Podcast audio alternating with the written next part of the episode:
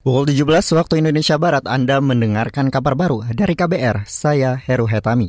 Pelaksana tugas Menteri Komunikasi dan Informatika Menkominfo Mahfud MD meminta Komisi Penyiaran Indonesia KPI aktif mengawasi penyiaran di tahun pemilu.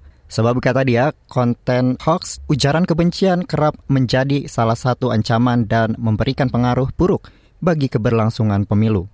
Sebagai regulator media, saya berharap KPI ikut secara aktif melakukan pengawasan terhadap televisi dan radio agar pemilu tahun 2024 ini berjalan secara jujur, adil, langsung, umum, bebas, rahasia dengan penyelenggara yang independen dari berbagai intervensi.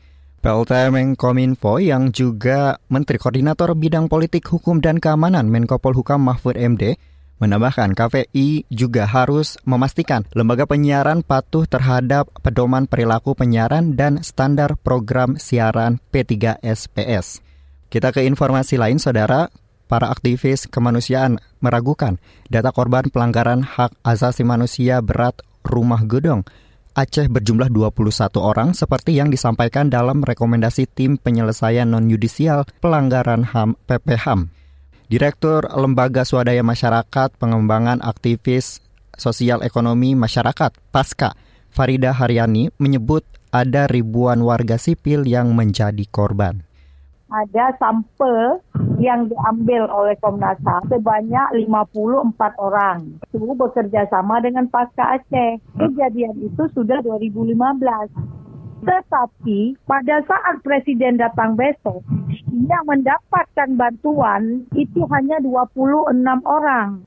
Farida Haryani meminta tim PPHAM bersama Komnas HAM harus turun ke lokasi untuk melakukan verifikasi kembali agar tersebut tidak simpak siur. Pasalnya sampai sekarang masih banyak di antara para korban belum sama sekali dilakukan berita acara pemeriksaan BAP oleh Komnas HAM sebagai syarat penyelesaian yang direkomendasikan PPHAM. Kita ke lantai bursa, saudara, indeks harga saham gabungan. IHSG anjlok 12,53 poin ke posisi 6.639 sore hari tadi. Pelemahan indeks dipengaruhi penurunan sejumlah sektor saham – antara lain sektor teknologi yang mengalami penurunan 1,12 persen. Meski begitu, beberapa sektor saham justru mengalami kenaikan.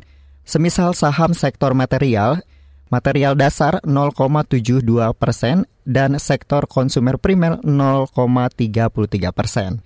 Demikian kabar baru dari KBR, saya Heru Hitami. Salam.